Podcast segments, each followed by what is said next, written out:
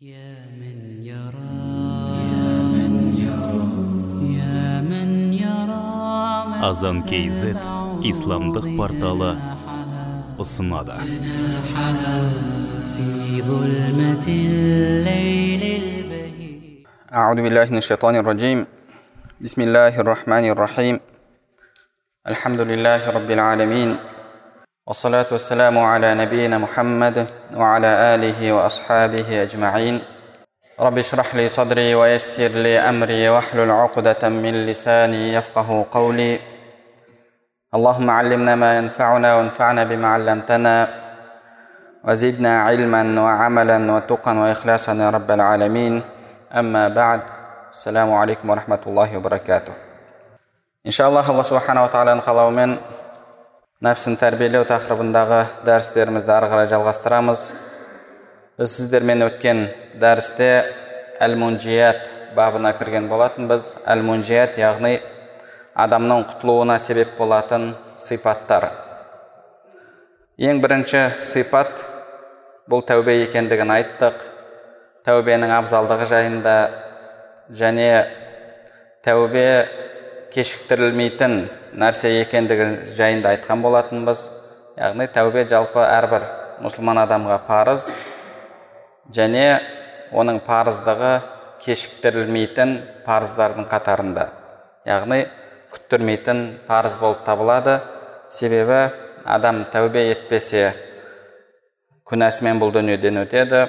Ал өлім адамға кез келген уақытта келіп қалуы мүмкін.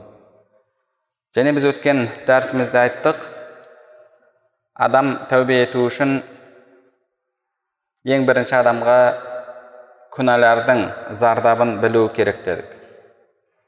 Адам күнәлардың зардабын білсе күнәлар қаншалықты зиян әкелетіндігін білсе жүрегінде сол істеген күнәларына өкіну пайда болады.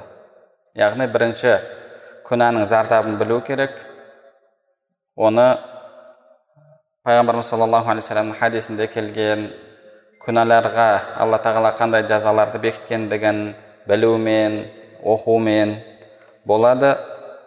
Және сонымен бірге жалпы көп құлшылық жасаумен алланы зікір етумен болатын нәрсе. Себебі кейде адам күнәнің зиян екендігін теориялық тұрғыдан біледі бірақ иманның әлсіздігін себебімен жүрегіндегі ихсан сезімі оянбағандықтан онша көңіл бөлмейді.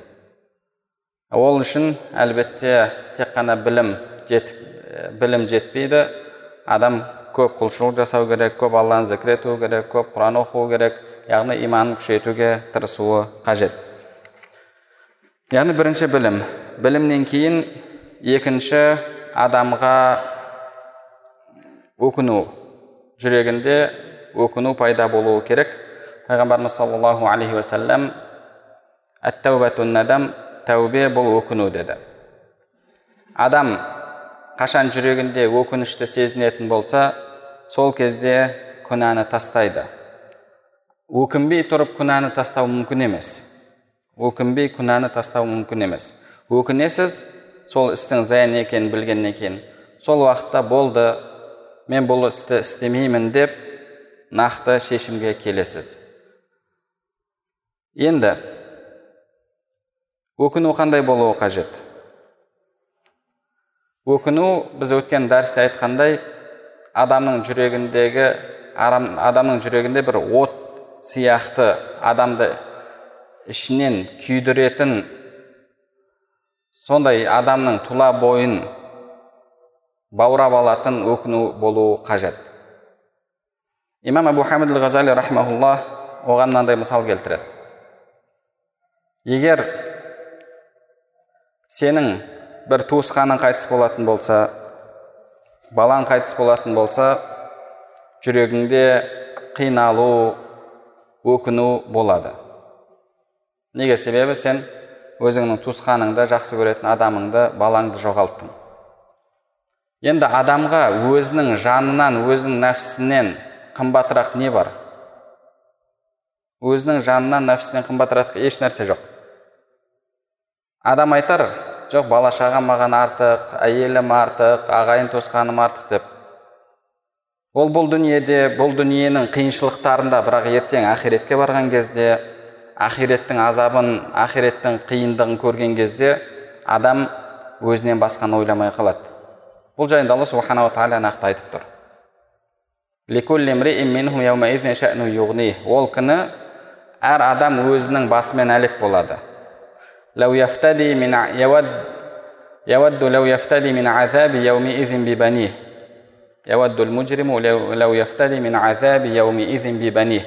күнәһар ол күні өзінің баласын беріп болса да баласын пида етіп болса да өзін құтқарғысы келеді дейді. Яғни мен үшін басқалар артық деген әңгіме ол бұл дүниеде сіз шынайы қиыншылықты көрмеген кезде ал бірақ шынайы қиыншылықты көрген кезде нәпсіңіздің жаныңыздың артық екендігін сіз білесіз. Себебі ең сізге жақын адам болған балаңыздың өзін құрбан етіп құтылғыңыз келсе бұл деген сіз үшін жаныңыздан артық еш нәрсе жоқ. Себебі жалпы мәлім болған нәрсе әкенің махаббаты балаға деген баланың әкеге деген махаббатынан анаға деген махаббатынан күштірек болады. Әкенің балаға деген махаббаты себебі ол әйтеуір балам дейді баласын ойлайды қызын ойлайды. Ал баласы ертең есейгеннен кейін әйелінің айтқанын істеп кейде ата анасын да тастап кетіп жатады. Ата анасын апарып бағана қарттар үйіне беріп жатады. Ал енді қиямет күні. Махаббаты артығырақ болған әке баласын құрбан етіп құтылғысы келсе онда бала жайында қоя беріңіз. Енді имам хамид ғазали рахмаулла айтады. Егер сізге дәрігер айтса балаң кеселге ауруға шалдыққан және бұл ауру жазылмайтын ауру осы аурудың себебімен қайтыс болады десе сіздің жүрегіңіздегі қиналу жүрегіңіздегі өкіну қандай болады? Балаңызды көрген сайын жүрегіңіз елшілейді жылайсыз оның қиналғанын көресіз және оның жазылмайтынын біліп тұрсыз. Адам қаншалықты қиналады?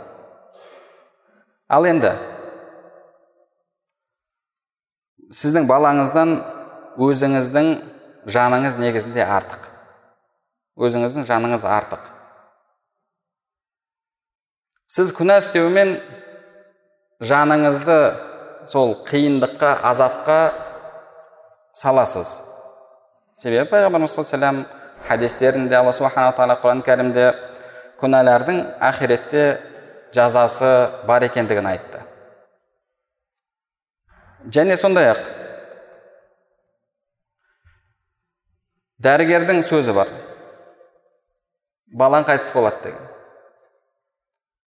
Бірақ ол нақты ғайыпты біліп тұр ма? Жоқ. Ол жалпы зерттеу арқылы мынау аурудың қазірге емі жоқ деп біледі сол сөзін айтып жатыр. Бірақ алла қаласа ол сол дертінен айығып кетуі мүмкін. Ол білмейді ол тек қана сол күнделікті көріп жүрген нәрселеріне қарап айтып жатыр. Ал алла тағаланың сөзінен пайғамбарымыз саллаллаху алейхи сөзінен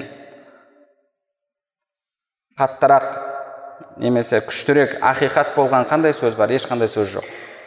Яғни дәрігердің балаң қайтыс болады деген сөзінен сен күнә істесең оның жазасы мынандай деген алла тағаланың сөзі қайда? Артық. Және қайда? Ол ақиқат. Себебі алла субханала тағаланың сөзі пайғамбарымыз саллаллаху сөзі ақиқат. Және одан кейін әлгі аурудың балаңызда болуы ол нақты өлетіндігін білдіреді ме? Балаңыздың қайтыс болатындығын. Ол нақты емес. Себебі алла субханала тағала қаласа оны жазып жібереді. Ал бірақ күнәңіздің сізді құртатындығы нақты.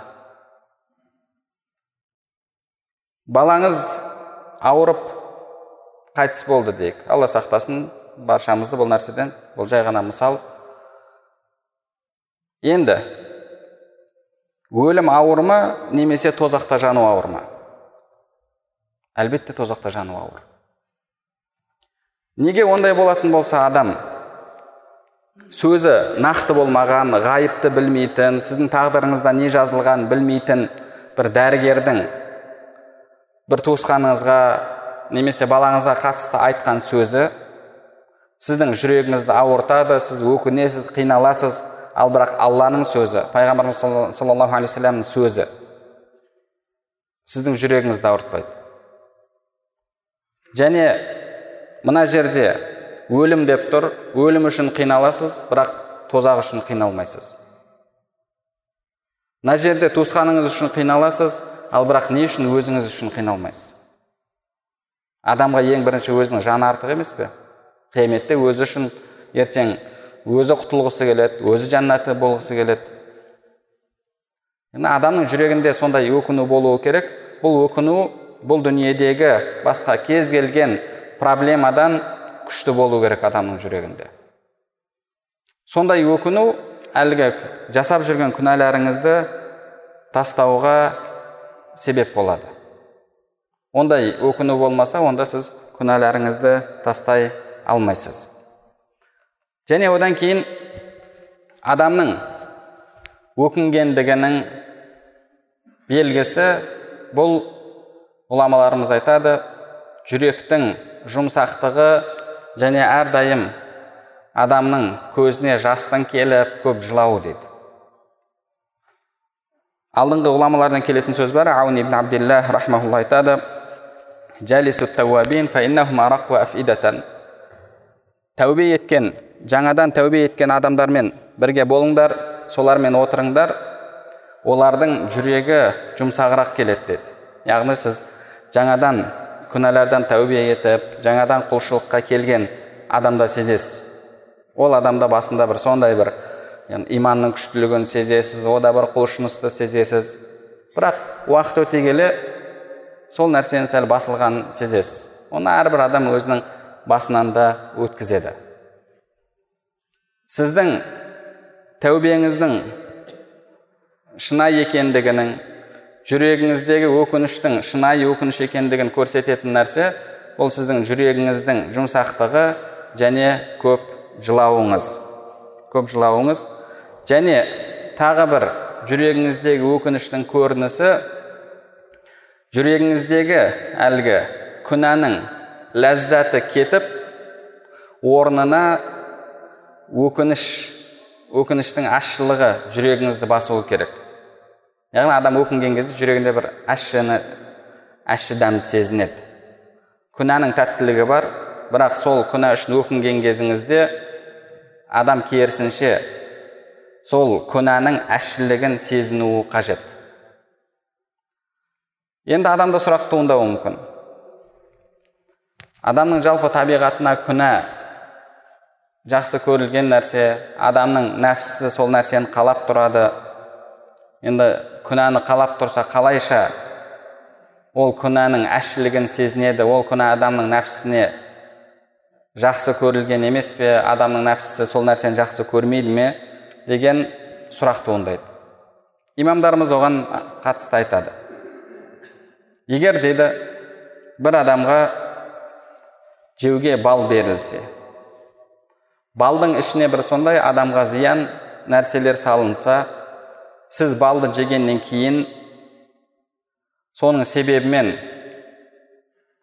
мысалы шашыңыз түсіп қалса терілеріңіз бір қотыр болып бір жаман халге ұшырасаңыз ішкі ағзаларыңыз зиян шексе сіз әлгі балға қосылған нәрсені балға араластырылған нәрсені қаншалықты жек көріп кетесіз? Егер кейін басқа бір уақытта сіздің қарныңыз ашып тұрған кезде тура сол тамақ сізге берілетін болса сіз соны жақсы көресіз бе? Балға әлгі нәрсені араластырып беретін болса. Сіз оны өлсеңіз де жемейсіз. Неге? Себебі оның зиянын көрдіңіз. Оның зиянын көрдіңіз. Мүмкін сол себепті яғни әлгі зиянды зат балға араластырылып бергендіктен сіз бүкіл бал атаулысын жек көріп кетуіңіз мүмкін. Бүкіл бал атаулысын жек көріп кетуіңіз мүмкін.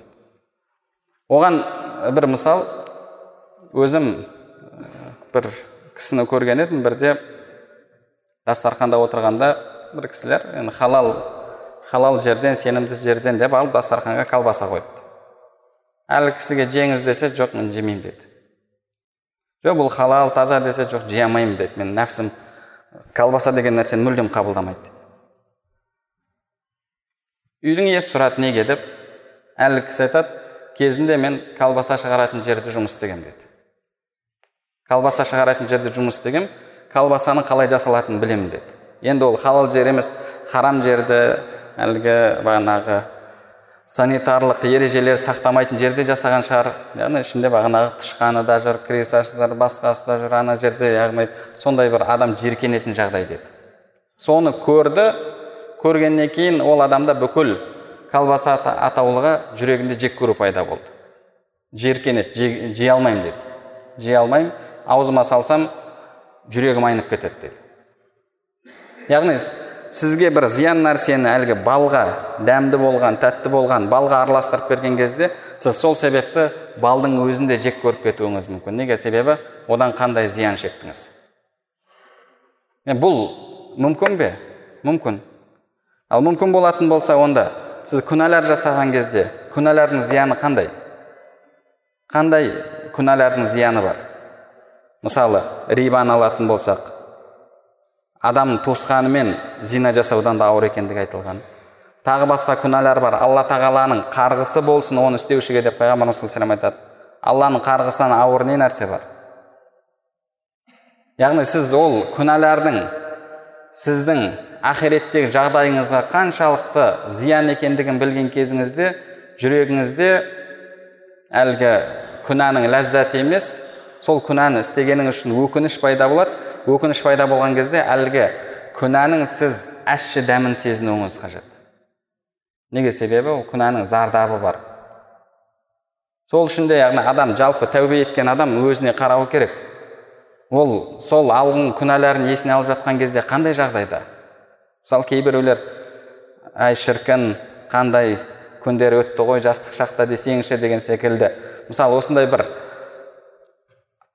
армандағандай секілді сол күндерді аңсағандай сағынғандай сөздер аузынан шығып жатады. Бұл тәубе еткен адамның сөзі емес. Тәубе еткен адамның сөзі емес. Имам хасан рахмаулла тәубе еткен адам күнәсі еске түскен кезде жылайтын адам дейді. Тәубесі күнәсі еске түскен кезде жылайтын адам дейді. Қашан жылайды? Жүрегінде сол күнәнің әшшілігін сезінген кезде. Енді жүрегіңізде күнәнің ащылығын сезіндіңіз ба жүрегіңізде өкіну бар ма? Қиналып қынжылып жатсыз ба күнә істегеніңізге? Онда келесі қадам сіз жасайтын бұл әл азм яғни болды осы күнәні мен осы жерде тастадым деп нақты шешім қабылдайсыз. Әзім деген яғни ешқандай бір екілену болмаған адамның жүрегіндегі нақты шешім. Және бұл шешімнен амал туындайды. Өткен шаққа байланысты қазіргі шаққа байланысты және болашаққа байланысты. Өткен шаққа байланысты қандай амалдар туындайды? Артыңғы алдын жасаған күнәларыңызға қарайсыз. Қандай күнәлар жасадым ол күнәлар алла тағаланың бұйрықтарын тастау арқылы болған күнәлар ма? Енді сол күнәлардың яғни сол бұйрықтарды тастадым. Соның орнын толтыруға болады ма? Қаза, кет, қаза кеткен намаздар бар қанша. Қаза кеткен оразалар бар. Кейде ораза тұтып жүріп сапарға шығасыз да аузыңызды ашып кейін әні міне тұтам деп жүріп ұмытып кеткен оразаларыңыз бар. Соның барлығын қолыңыздан келгенше есіңізге түсіріп соның қазасын өтеу. Егер сіздің әлгі азым шешіміңіз нақты болатын болса өткен шаққа қатысты сізден осындай іс әрекеттер талап етіледі. Егер жасаған күнәларыңыз алланың тыйым салған істерін істеумен болған болса онда сол күнәлар үшін алла субханала тағаладан кешірім сұрау истиғфар айту және сол күнәларға қарсы келетін соның жынысынан болған жақсы амалды жасау. Пайғамбарымыз саллаллаху алейхи уассалам өзінің хадис шәрифінде айтады. Қай жерде болсаң да тақуалық ет және әлгі күнәңді жоятын жақсылық жаса деді. Күнәңді жоятын жақсылық жаса сіз қандай күнә жасадыңыз сол күнәнің жынысынан болған жақсы амал жасауыңыз керек жақсы амал жасауыңыз керек яғни бір адамдарды ғайбаттадыңыз ба онда бірінші қолыңыздан келсе барып истихлал яғни ол адамның алдынан өтіп ақыңызды адал етесіз одан кейін қолыңыздан келгенше ол адамда бір жақсылықтардың бар екенін білсеңіз жақсы адам екенін білсеңіз жақсылығын айтасыз ғайбаттың орнына.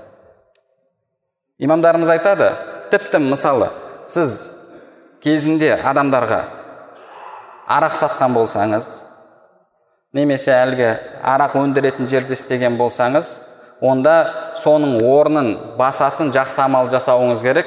Ол адамдарға адал сусын тарату деді. Сол істің жынысынан болған. Яғни қандай да бір күнә жасасаңыз сол күнәнің орнын басатын әлгі күнәңізді жоюға себеп болатын жақсы амал жасауыңыз керек жақсы амал жасауыңыз керек және жақсы амалыңыз сол жаман амалдың жынысынан яғни соған қайшы болған іс болу керек себебі кез келген нәрсені кетіру үшін оның қарама қайшы жағын алып келесіз мысалы қарныңыз ашып жатса не істейсіз қарныңыз ашып жатса шомыласыз ба қарныңыз ашып жатса ұйықтайсыз ба қарныңыз ашып жатса барып тамақ жейсіз шаршап тұрсаңыз оның қарама қайшы жағы демаласыз қатты терілеп ыстықтап жатқан болсаңыз оның қарама қайшы жағы барып салқын суға түсесіз яғни әр нәрсенің өзінің қарама қайшы жағы болады күнә істедіңіз ба ол күнәні жойып шаятын сізге жақсы амал жасау керек ал бір нәрсені кетірудің ең жақсы жолы сол екінші қарама қайшы жағын жасау. Күнәларыңызға қарайсыз қандай күнәлар? Егер кезінде біреулердің ақысын жеген болсаңыз онда сізден ең бірінші талап етілетін нәрсе әлгі адамдарды білсеңіз тауып қайтарасыз ақысын немесе садақа қолыңыздан келгенше садақа бересіз сол кісілердің атынан. Алла тағаладан кешірім сұрап. Ақшаңыз бар енді ақшаңызды берместен мына жақта отырып одан да мен истиғфар айтайын одан да мен көбірек намаз оқиын деген нәрсе болмайды. Неге себебі? Сіздің күнәңіз басқа жыныстан болды. Сол жыныстан болған сіз жақсы амалдарды жасауыңыз қажет болады. Яғни әрбір ісіңізге қарайсыз күнә алла тағаланың бұйрықтарын тастаумен болған болса қолыңыздан келгенше соның қазасын өтейсіз. Ал егер алланың тыйым салған істерін істеумен болған болса онда ол үшін өкінесіз истиғфар айтасыз алладан кешірім сұрайсыз. Және сонымен бірге сол істің жынысынан болған соған қайшы келетін жақсы амалды жасаумен сол күнәларыңызды жуып шаюға тырысасыз. Мысалы сіз біреуді өлдіріп қойдыңыз алла сақтасын біреуді өлдіріп қойдыңыз сөйтіп қашып кеттіңіз қашып кеттіңіз шетел асып сізге ешқандай жаза қолданылған жоқ сіз тәубе еткен кезде не істеуіңіз керек тәубе еткен кезде құл азат етесіз әлбетте құл азат ету заманында болатын болса және қайтыс болған адамның құнын төлеуіңіз керек. Себебі құранда алла субханала тағала соны айтып тұр. Ал егер әтейлеп өлдірген болсаңыз ше әтейлеп өлдірген болсаңыз онда барып сол қайтыс болған адамның уәлиіне яғни сол дәм деді сол қайтыс болған адамның туысқандарына сол адам үшін жауапты болған егер кешіргісі келсе бағана кешірім бере алатын адамдарға барып өзіңізді тапсырасыз. Қаласа кешіреді қаласа жазаға тартыласыз. Яғни адамның тәубесі сондай шын шынайы тәубе болған кезде ол адам соның қалай да болса кешірілу жолын іздеді кешірілу жолы шариғат көрсеткендей. Пайғамбарымыз саллаллаху алейхи вассаламның кезінде маиз радиаллаху анху келді я расулаллах мен зина жасап қойдым деді сол кетіп қалып тәубе етсе де болар ма еді тәубе етсе болады себебі бұл алла тағаламен өзінің арасындағы күнә яғни барып өзін тапсыруы міндетті емес ал бірақ адамды өлдіріп қойсаңыз ол жерде ол алла тағаламен сіздің араңыздағы ғана мәселе ма жоқ ондай емес сізбен алла тағаланың араңыздағы ғана мәселе емес бұл адамдардың құқығына адамдардың ақысына байланысты мәселе. Ал әлгі сахаба болса өзімен алланың арасындағы мәселенің өзінде пайғамбарымыз саллаллаху алейхи вассаламға келіп я расулаллах занайту зина жасадым мені тазала деді. Пайғамбарымыз саллаллаху алейхи вассалам былай бұрылды. Мына жағынан келеді былай бұрылады мына жағынан келеді пайғамбарымыз үзір іздей бастады. Сен бірінші айтты мынау бауырларың жынды емес пе? деді ақылынан адасып қалған емес пе? деді. Танитындар айтты жоқ ақыл есі орнында иіскеп көріңдерші арақ ішіп алмаған ба? Ішіп алып өзі білмей бір нәрселерді айтып жатқан шығар иіскеп көреді жоқ ешқандай арақ ішкенінің белгісі жоқ кейін пайғамбар саллаллаху мынаған айтып жатыр. Мүмкін сен сүйген шығарсың мүмкін құшақтаған шығарсың мүмкін былай былай аузына сөз салып беріп жатыр. Егер иә мен құшақтап қойып едім десе пайғамбарымыз саллаллаху алейхи вассалам онда ол зина әлгі жаза қолданылатын зина емес бар тәубе ет истиғфар айт деп жіберіп жіберуге дайын тұр. Жоқ я расулаллах мен күйеуі әйелімен қандай жағдайда болады тура сондай жағдайда болдым деді. Болды. Ал әл иқрар шахада ғұламаларымыз айтқандай мойындау бұл куәнің ең үлкені біреулер келіп мынау мына, мына нәрсені жасады дегеннен сіздің өзіңіздің мен мына нәрсені жасадым деген сөзіңіз қайда жоғары тұрады пайғамбарымыз саллаллаху алейхи вассалам оған жазаны қолданды яғни әлгі сахаба соншалықты істегеніне өкінгені пайғамбарымыз саллаллаху алейхи вассалам келіп я расулалла мені тазала деп тұр одан кейін әлмар әл әлгі бірге болған зина жасаған әйел де келді я расулаллах мен зина жасадым мені тазала деді жүкті болып қалған пайғамбарымыз саллаллаху бар босанып кел деді әлгі баланың бұл жерде ешқандай кінәсі жоқ босанып келді бар өзі тамақ жей алатын болғанша бұны тағы да еміздеді барып емізді артынан адам жіберген жоқ алып келіңдер анау қайда кетті? Жаза қолданайық деп. Өзі қайтадан келіп тұр. Баласын босанған емізген бір уақытта келді баласы қолында баланың қолында нан бар. Яғни әлгі өзі нан істеп жей алатын деңгейге жеткен. Пайғамбарымыз саллаллаху алейхи вассалам әлгі әйелге де жазаны қолданды. Және мәиз радиаллаху анхуге де әлгі әйелге де қатысты пайғамбар саллаллаху айтты. Егер осы адамдардың тәубесі қазір бүкіл мәдина тұрғындарына бөліп берілетін болса барлығына бірдей жететіндей тәубе етті деді. Яғни шынайы тәубе бұл сіздің өткен шағыңызға бірінші қарауыңыз. Өкінгеннен кейін әлгі болды. Мен енді бұдан кейін істемеймін деп шешім қабылдағаннан кейін өткен шағыңызға қарауыңыз. Өткен шағыңызды тексересіз. Әрбір күн әрбір сағат есіңізде бар. Яғни алла адамға шамасынан тыс нәрсені жүктемейді. Есіңізде қандай күнәларыңыз бар? Есіңізде қандай алланың бұйрықтарын тастағаныңыз бар? Барлығын былайша айтқанда ойдан өткізесіз және соның орнын қалай толтыруға болады? Егер тасталған бұйрық болса соны қарайсыз. Егер алла тағала тыйым салған іс болатын болса соның жынысынан болған жақсы амал жасайсыз. Және сондай ақ өзіңіздің дүниеңізге қатысты дүниеңізге қатысты мысалы зекет бермегенсіз. Зекетті зекет беретіндей ақша сізде қашан пайда болды? Сол күнді есіңізге түсіресіз. Қашаннан бері менде зекет төлену керек болған ақша бар. Мынанша жасқа келіп сауда жасадым сонымен қолыма мынанша ақша түсті. Зекеттің мөлшері. Ондай болатын болса сол уақыттан бері зекет берілген жоқ сізде. Зекетіңізді беруіңіз керек. Ал егер ата анаңыз бай болған болса сізді ойлап сіздің шотыңызға банктегі ақша салып қойған болса 100 мың доллар 200 мың доллар ақшаны кейін өскенде өзінің қажетіне пайдаланады деп онда имамдарымыздың арасында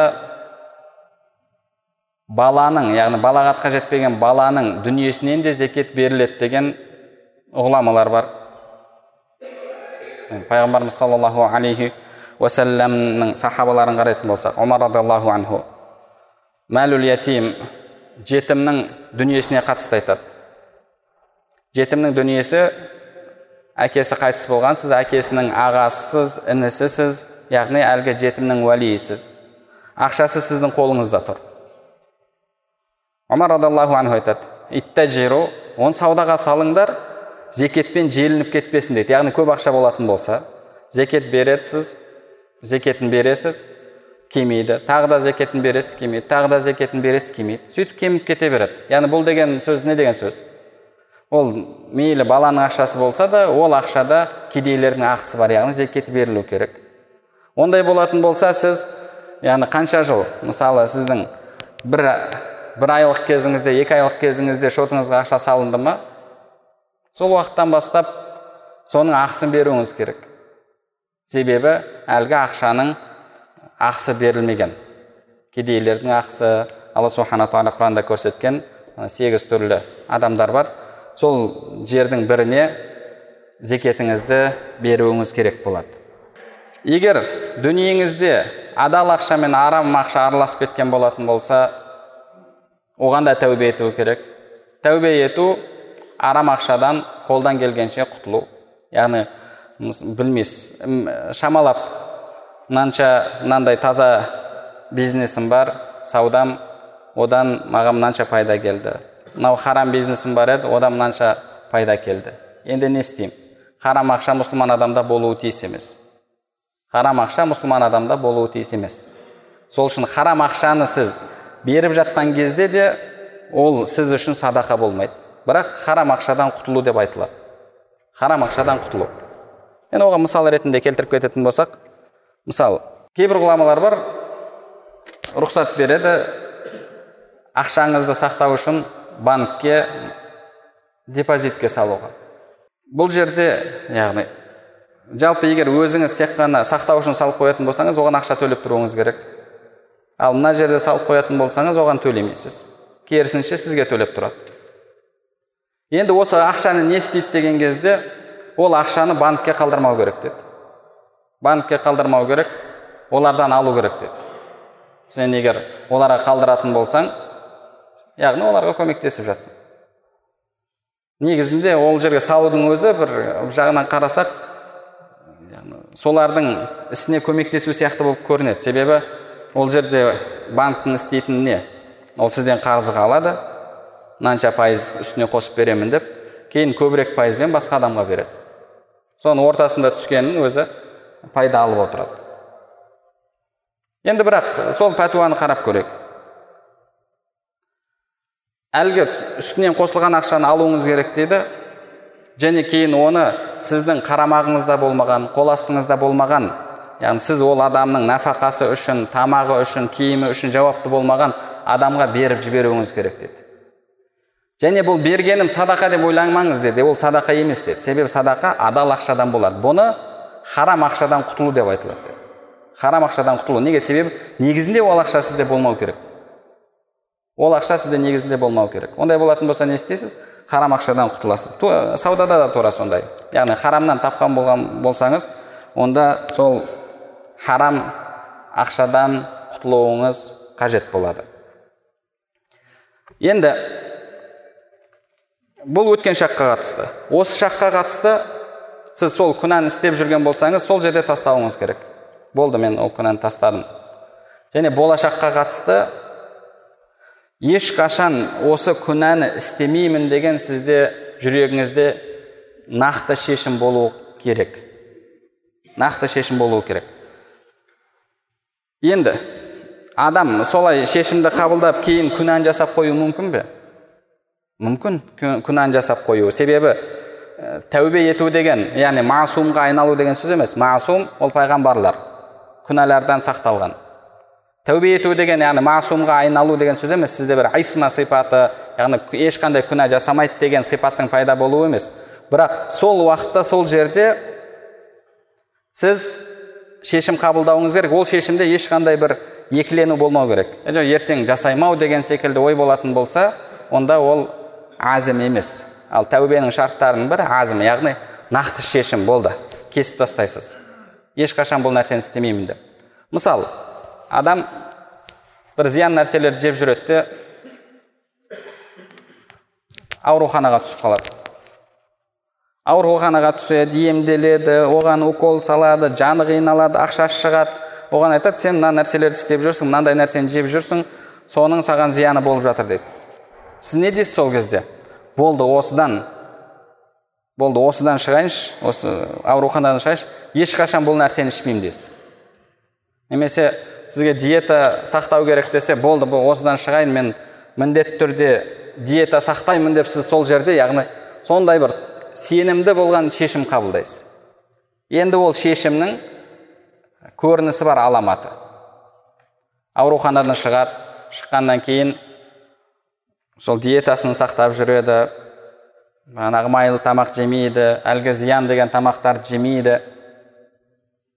Біраз уақыт өте бастайды бір ай өтеді екі ай өте бастайды әлгі ауруханада қиналғаны қалтасынан шыққан ақша жанының қиналғаны есінен шыға бастайды да қайтадан бір күн қап жеме деп еді доктор жеп қойдым ау қап деп сол сол жерде бағанағы диетасынан шыға бастайды бірақ ол басында әрекетін жасады ғой яғни әлгі ауруханада шешім қабылдаған еді. Ол шешім қабылдауының көрінісі болды. Сыртқа шыққан кезде әйтеуір қолынан келгенше әрекетін жасады. Сізде де тура сондай. Тәубе еткен кезде болды мен болашақта бұл нәрсені ешқашан істемеймін бұл нәрсеге қайтып қайтпаймын деген жүрегіңізде толық шешім болуы керек. Оның көрінісі болады оның көрінісі болады бағанағы сіз әрекетіңізді жасайсыз сол күнәдан ұзақтайсыз сол күнәға шақыратын достарыңыз болатын болса олардан ұзақтайсыз қарым қатынасыңызды тыясыз сөйтіп жүресіз. Бірақ бір күн келіп шахуатыңыз басым келіп сол күнәні жасап қоюыңыз мүмкін ба? Мүмкін. Бірақ бұл деген яғни сіз ана алдын нақты шешім қабылдама, қабылдамадыңыз деген сөз емес. Сол үшін де адамның жүрегінде азім деген нәрсе болу керек. Азім деген яғни яғни ешқандай екілену болмау керек. Болды мен осы күнәні тастадым ешқашан қайтпаймын деген жүрегіңізде нақты шешім болуы қажет. Бұл жалпы тәубенің шарттары. Осылай тәубе ететін болсаңыз иншалла алла субханала тағала тәубеңізді қабыл етеді. Ал енді тәубе бөлінуі мүмкін бе яғни бір күнәдан тәубе етіп екінші күнәні адамның жасап жүруі мүмкін бе мысалы адамдардың құқығына қатысты күнәлардан тәубе етеді бірақ алланың алла мен өзінің арасындағы мәселелерде күнә жасап жүруі мүмкін бе адамның немесе үлкен күнәлардан тәубе етіп кіші күнәлардан тәубе етпеуі мүмкін бе бұл тәубе жалпы дұрыс па дұрыс емес пе? Одан кейін адамның тұрақтылықпен яғни табандылық танытып күнә жасауына не нәрсе себеп? Алла нәсіп етсе енді жалпы бұл мәселелерді иншалла осы тәубеге қатысты келесі дәрісімізде үйренетін боламыз. Алла субханала тағала бәрімізге иншалла шынайы тәубе етуді және тәубелеріміз насух тәубе болуын нәсіп етсін. Алла субханала тағала бәрімізге пайдалы білім нәсіп етсін білімдерімізге амал етуімізді және амалдарымыздың қабыл болуын нәсіп етсін.